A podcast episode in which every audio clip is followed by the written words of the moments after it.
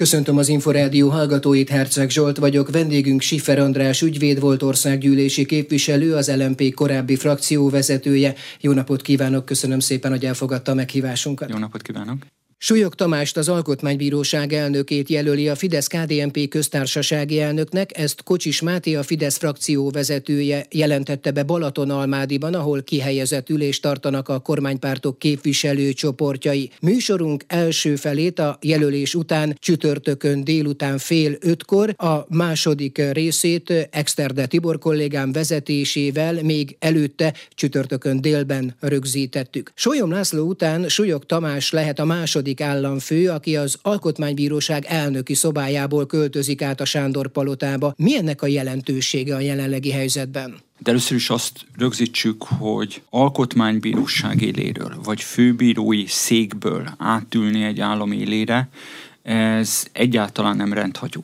Tehát ha csak Európát nézzük, Németországban is, jelenleg Görögországban ö, bőven volt arra példa, számos európai országban, egy korábbi alkotmánybírósági elnök vagy főbíró, tehát valami magas bírói testületnek, ez országonként ennek azért eltérő lehet a funkciója megjelölése, a vezetője lesz az államfő. Kötve hiszem, hogy Orbán Viktor Sólyom László szellemét szeretné megidézni, és azt is, hogy egy Sólyom László típusú figurát szeretne a maga nyakába venni. Már csak azért sem hiszem ezt, hiszen erre lett volna lehetősége 2010 júniusában, és jó oka lehetett arra Orbán Viktornak, hogy inkább Schmidt párt választotta Sólyom László helyett. Ezzel együtt túl a száraz önéletrajzi tényeken annyi párhuzam azért lehet, hogy szemben Áder János bár korán sem volt ő már 2006 után Orbán Viktor bizalmasa, de mégiscsak nettó pártpolitikai karrierjétől. Ö, szemben ö, Novák Katalin picit már ilyen 21. századi celebfigurára hajazó, kicsit influencer jellegétől, és hát mégiscsak kormánytagként, pártalelnökként avanzsált az elnöki posztra. Ö, Súlyog Tamás a maga autoritásával, életpályájával. Jó lehető nem annyira akadémiai, mint ügyvédi karrier tudott magáinak az alkotmánybírósági pályafut, alkotmánybírói pályafutás előtt, mégiscsak azt gondolom, hogy tudatosan Orbán visszanyúl, ha nem is a sólyomi szellemiséghez, de ahhoz a karakterhez, amit Sólyom László és Mádl Ferenc ö, testesített meg, és itt az utóbbi elnöknek, a néhai elnöknek a figurája azért is fontos, mert nagyjából én arra tudok gondolni, már csak Sőjök Tamásnak a habitusát, karakterét ismerve, hogy a miniszterelnöknek a fejébe valami olyasmi lehet most, hogy ő nagyjából egy olyan elnököt szeretne, mint amilyen együttélése neki Mádl Ferenccel volt miniszterelnökként 2000 és 2002 között. Mádl Ferencnek a lojalitása nem is személy szerint Orbán Viktorhoz, de ahhoz a politikai családhoz, oldalhoz, amelyik őt jelölte, megválasztotta, annál is inkább megkérdőjelezhetetlen volt, nem csak azért, mert végig szolgálta az Antal Boros kormányokat, tehát az első szabadon választott kormányt, hanem Mádl Ferenc nélkül Orbán Viktor a büdös életben nem tudott volna átzsilipelni a, az antali árvák felség területére a jobb középre. Nem tudta volna a jobb közepet befoglalni 94 után Mádl professzor úr hathatós közreműködése nélkül Orbán Viktor. Ö, ugyanakkor Mádl Ferenctől a mindenféle konfrontáció, akár még a, a sólyomi értelemben vett konfrontáció, ahogyan sólyom tengelyt akasztott elsősorban a Gyurcsány kormányal, de egyébként a utolsó pár hónapjában az Orbán kormányal is, az Mádl Ferencnek a habitusától azért távol áll. Tehát lehet, hogy furcsa ezt mondani, de már ebben az értelemben Sólyomnál még arisztokratikusabban fogta föl az elnöki szerepet. És Súlyog Tamás egyáltalán, még ha nem is súlyokról mondjuk nem az jut eszembe, hogy arisztokratikus, de, de rendkívül konfliktus kerülő. És ez bizonyos szempontból jellemezte is az alkotmánybírói, alkotmánybírósági elnöki munkásságát, tehát azzal nem kell szembe találkozni a Orbánnak, hogy egy kemény, ellen, kemény ellensúly, mint sólyom. Ez távol álljon a habitusától, a karakterétől is, de ugyanakkor, ahogy Mádlnak volt egy autonómiája Orbánnal szemben is. Azért emlékezzünk vissza, hogy Például ott volt a Lex Répási, a Lex Pokol után, amivel a sajtót meg akarta az első Orbán kormány rendszabályozni. Vagy voltak a büntetés végrehajtással kapcsolatos szólásszabadságot korlátozó rendelkezésé a Dávidi Bolya féle minisztérium előterjesztésében az első Orbán kormánynak, és Mádl Ferenc elég keményen ezeknek útját állta. Kérdés, hogy Súlyog Tamás ilyen helyzetekben hogyan fog államfőként viselkedni, korábbi nyilatkozatai lehetnek irányadóak. Az Alkotmánybíróság elnökeként egyébként a Német Alkotmánybíróság német kormány általi felülbírálatának apropóján éppen itt az Inforádió Aréna című műsorában úgy fogalmazott, hogy idézem, ahol jogi döntést kellene hozni, de helyette politikai döntés születik, ott meg kell kongatni a vészharangot. Másként tekint az állam működésére egy jogász, egy alkotmányjogász államfő, mint az, aki közvetlenül a pártpolitikából érkezik? Ez óhatatlan, de még annyiban folytatnám a Mádl párhuzamot, vagy, vagy éppen a, a különbséget, hogy azért ő, ő már szervezetileg soha nem volt köze semmilyen párthoz, az állampárthoz se, de a demokratikus pártokhoz sem. Sőjök Tamást is, akik bírálják a tevékenységét, akik ellenszenveznek vele, azt nem mondhatják, hogy ő a Fidesznek kitartottja. Konkrétan Sőjök Tamás se volt, tudomásom szerint soha egyetlen pártnak se tagja, még egy röpke időre sem. Jegyzem meg, Gönc Árpád, Sólyom László voltak, sőt pártvezetőségi tagok is voltak, most a Fidesz, tehát a NER köztársasági elnökeiről nem beszélve. Viszont Súlyog Tamásnak még kevesebb köze van a pártpolitikához, mint Mádl elnök úrnak volt. És ha már itt a nyitó kérdésbe felemlegette az esetleges párhuzamot ö, Solyom Lászlóval, azért ugye az is, azt is azért el kell mondani, hogy Súlyok Tamás alkotmánybírósági elnökként sokkal inkább egy moderátor szerepbe próbált lenni, egyensúlyozni próbált. Ez a késői sólyom korszakra is ugyanigaz volt, na de azért sólyom Lászlónak főleg a kezdeti években nagyon kemény jogpolitikai tételei voltak, amit átvert a testületen. Sólyog Tamást azért ezzel nem lehet nem lehet megvádolni viszont pártpolitikai tapasztalata minden, vagy pártpolitikai rutinja, tehát a belpolitikai térben szerzett rutinja jóval kevesebb van Sőjök Tamásnak, mint bármelyik elődjének. Ugyanak... No, de ez előny vagy hátrány? Tehát ez várhatjuk miniszterán... tőle, hogy kiemelje a pártpolitika csatározásából az államfői tisztséget? Tehát arra utalnék, hogy amit idézett mondatot Súlyog Tamástól, az pontosan az a finom ellépés, akár a kormányzati főcsapás iránytól is, amiket Mádl Ferenc is, amikor ö, Orbán Viktorral élt társbérletben, úgymond, azért megtett nagyon finoman. Tehát én arra számítok, hogy ilyen finom ellépések lesznek. Ha valaki abban a helyzetben van, hogy pontosan tudja előre, hogy az Alkotmánybíróság egy-egy vétónál hogyan fog dönteni, az pont Súlyog Tamás, mert azért Sólyom se frissen ült át az AB éléről a Sándor palotába, ez ebből a szempontból az első ilyen eset.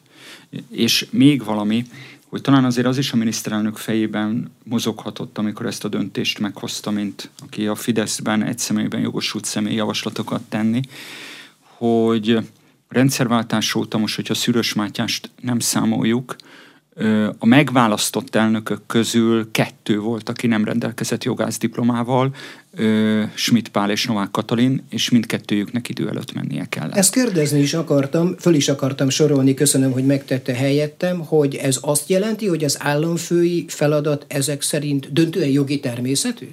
Nézze, én bármilyen furcsa az én számból, én azért nem szeretem az ilyen jogi sovinizmust, ha úgy tetszik. Tehát az európai történelemben parlamentben választott köztársasági elnökök közül is tudunk olyat, aki, aki, hogy úgy mondjam, jól muzsikált, méltó volt a feladatára, de nem rendelkezett jogi diplomával.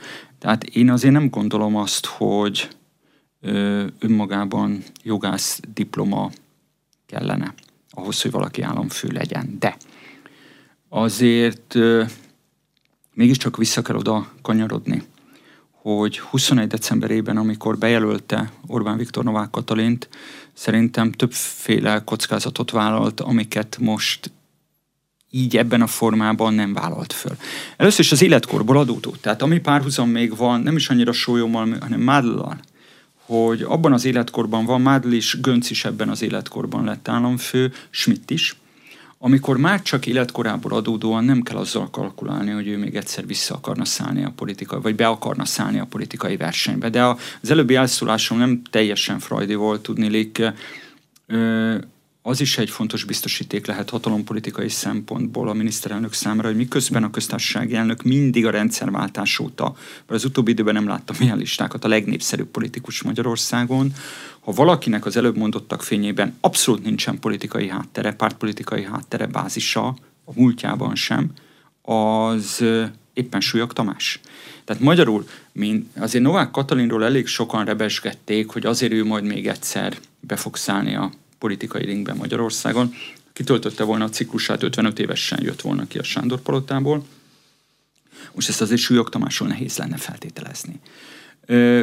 Másfelől viszont Nová, valójában Novák Katalinnak se volt politikai rutinja. Erre, erre próbáltam utalni. Politikai, és az igazság, hogy a közigazgatási rutinja se volt annyira veretes. Súlyog Tamás ugyan most ezzel látszólag ellentmondok magamnak, mert semmiféle pártpolitikai múltal ugyan nem rendelkezik. Na de mégiscsak egy 67 éves ember, aki azért, ha nem is csinálta, de tanította, ha nem is a politikát, de a politikai rendszer jogát, tehát az alkotmányjogot, ráadásul azért 8 éve, 8 éve, nem 8 éve, 10 éve alkotmánybíró, abból 8 éve a testület elnöke, és hát még egyszer, tehát abban a korban van, amikor már azért rendelkezik azzal a tapasztalattal, hogy ugyan új neki a politikai aréna, de egész biztos, hogy hát hogy mondjam, a kellő megfontoltság benne lesz mindenféle kritikus döntésnél, Súlyog Tamás van, e felől nincsen kétségem. Ami viszont Ugye ez már délben is a fejemben volt, mert nagyjából Súlyog Tamásra tippeltem a bejelentés előtt is.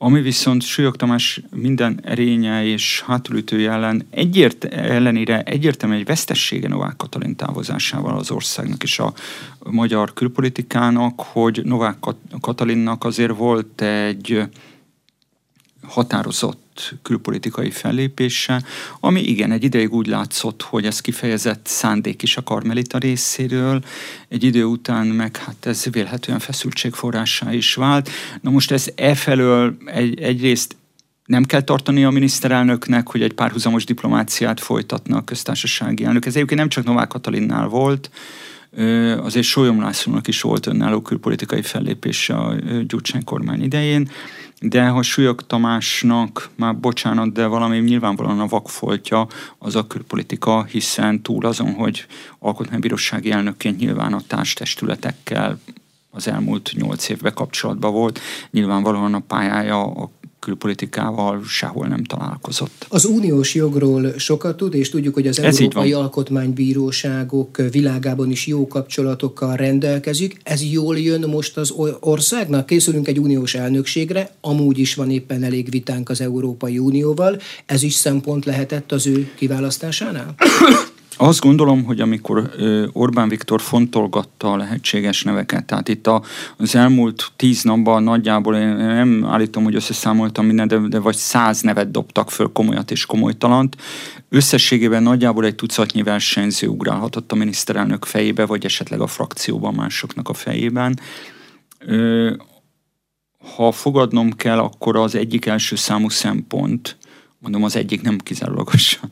Nyilván azért itt a lojalitás is fontos a miniszterelnöknek, vagy hogy ne egy potenciális politikai vetétás legyen. Súlyokról ezt nem kell feltételeznie. Az nyilvánvalóan egy külpolitikai szempont volt. Ez megkerülhetetlen. És miközben Súlyok Tamásnak nincs meg az a külpolitikai érdeklődése, az a ö, hogy mondjam, ez, hogy mosolygós arcát mutassa meg Magyarországnak című ambíciója, ami Novák Katalinnak megvolt, kétségtelen, hogy az az akadémiai tudása az Európai Uniós jogról. És, egy, egyált, és önmagában az ő megválasztásával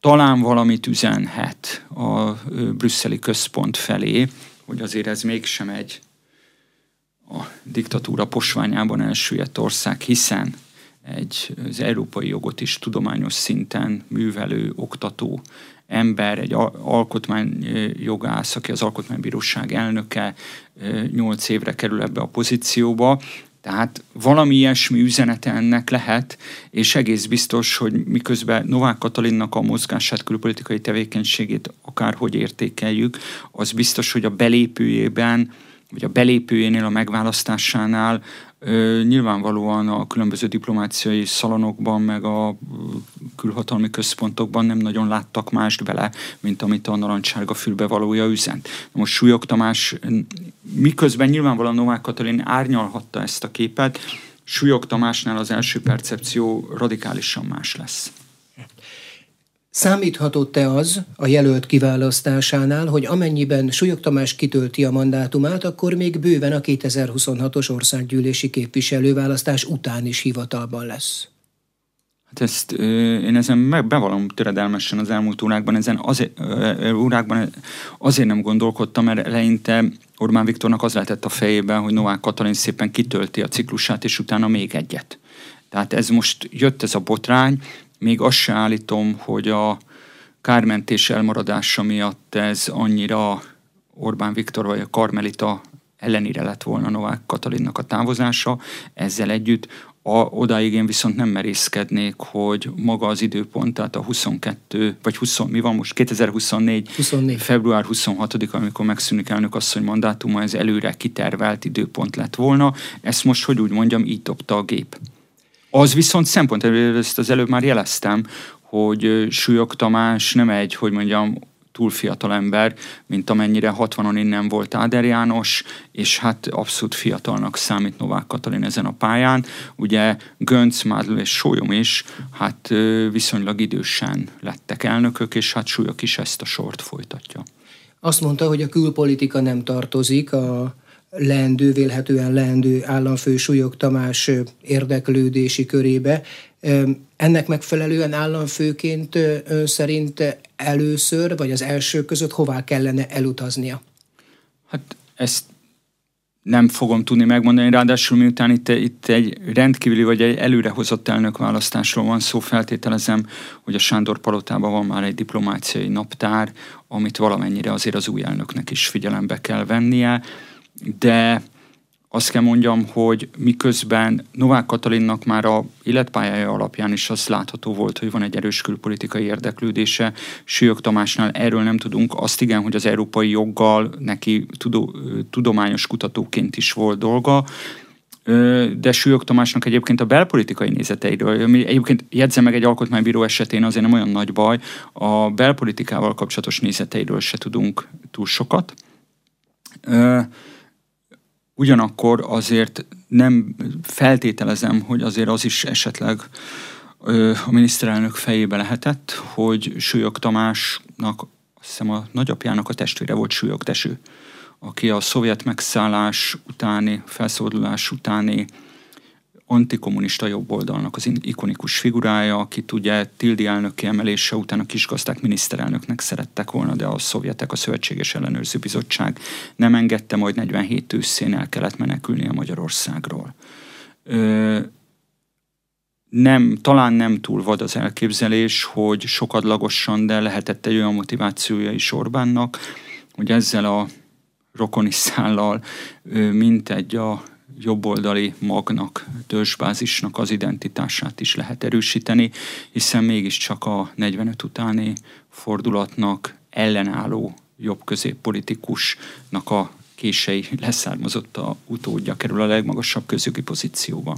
Sokat beszéltünk a politikáról, de az alaptörvény szerint az államfő mégiscsak a nemzet egységét hivatott megtestesíteni. Ez feltételezi, hogy a nemzetnek van egysége. De ön szerint a nemzetnek van egysége, vagy ahogyan a régi vicc mondja, hogy nincs, de igény volna rá? Hát én ezt nem szeretném így elviccelni. Nyilván könnyen adódik, adódhatna erre az a válasz, hogy persze hát nincsen. Én csak azt mondanám, hogy ha tényleg nincsen meg semmiféle egység, semmiféle közös alapzat, ami nem pusztán politikai célok, célokról szól, hanem kultúráról, hagyományokról, akkor az a nemzet, az a politikai közösség menthetetlen széthullik. jó volna nem ide eljutni, vagy ezt kísérteni. És ebben minden politikai oldalnak van felelőssége. Én inkább azt mondanám, miután feltételezem azt, hogy van valami közös alap, pártállástól, világnézettől függetlenül, a köztársasági elnöknek az feladata, és ez egy nagyon nagy adósság hosszú ideje Magyarországon, hogy azt, ami közös, azt időről időre felmutassa. Jelenleg az látszik a belpolitikai küzdelmekben, lásd még pedofil ellenes fellépés, hogy ez senkinek nem érdeke, leginkább a kormányoldalnak nem érdeke, hogy konszenzusos témákat próbáljon meg felmutatni, illetve felmutatni azt, hogy van, ami átível párthatárokon, érdekhatárokon Magyarországon. A köztársasági elnöknek Magyarországon pont az lenne a dolga, én hiszem azt, hogy van, ami azért összefűz bennünket itt a Kárpát-medencében. A köztársasági elnöknek az a dolga, én remélem, hogy Sőök Tamás erre alkalmas lesz, hogy azt, ami közös bennünk, azt megpróbálja igenis időről időre akkor is fel, felszínre hozni, hogyha ez nem érdeke egyik vagy másik politikai irányzatnak, éppenséggel a kormánynak. Siffer András ügyvéd volt országgyűlési képviselő, az LMP korábbi frakció vezetője, az aréna vendége. A hírek után már Exterde Tibor kollégám vezetésével folytatódik a beszélgetés. Én köszönöm a figyelmüket, Herceg Zsolt vagyok.